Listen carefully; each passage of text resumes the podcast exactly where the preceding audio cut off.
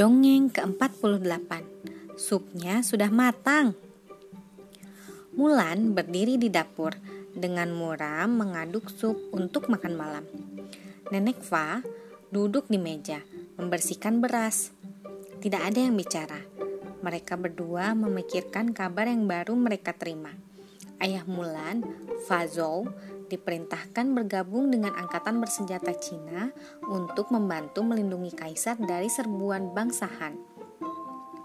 Setiap keluarga harus mengirim seorang laki-laki untuk mendaftar jadi tentara. Karena Mulan tidak punya saudara laki-laki, ayahnya lah yang harus menjalani tugas itu. Tetapi, meskipun waktu muda ayahnya pejuang tangguh, Mulan sadar sekarang ayahnya sudah tua dan tidak cukup kuat untuk ikut perang lagi. Mulan gelisah karena tahu jika ayahnya bergabung dengan tentara Cina dan berangkat ke medan perang, beliau pasti akan tewas. Kenapa ayahku harus bertempur? Mulan tiba-tiba bertanya pada neneknya. Ayah kan hanya satu orang, kaisar takkan tahu jika ayah tidak ikut. Sedangkan jika ayah meninggal, keluarga kita akan sangat kehilangan. Ia menghela nafas dalam-dalam.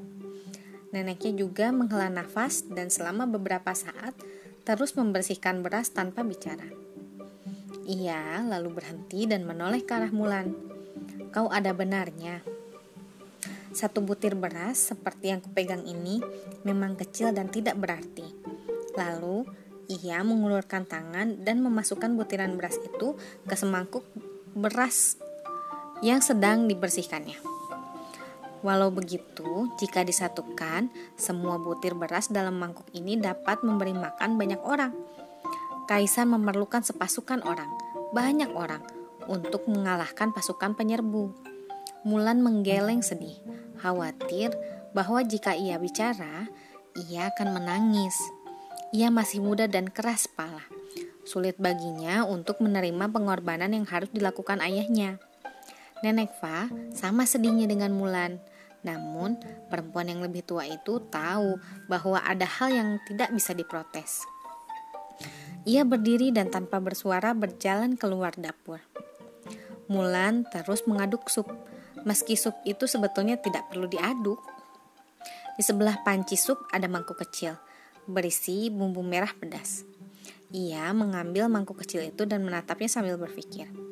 Satu butir beras itu kecil dan tidak berarti, katanya pada diri sendiri. Meski begitu, sejumput bumbu dari mangkuk kecil ini bisa mengubah rasa sepanci sup. Mungkin, katanya lagi. Satu orang bisa membuat perbedaan kalau ia mengikuti kata hatinya.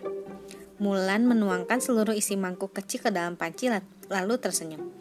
Supnya sudah matang, ia berteriak.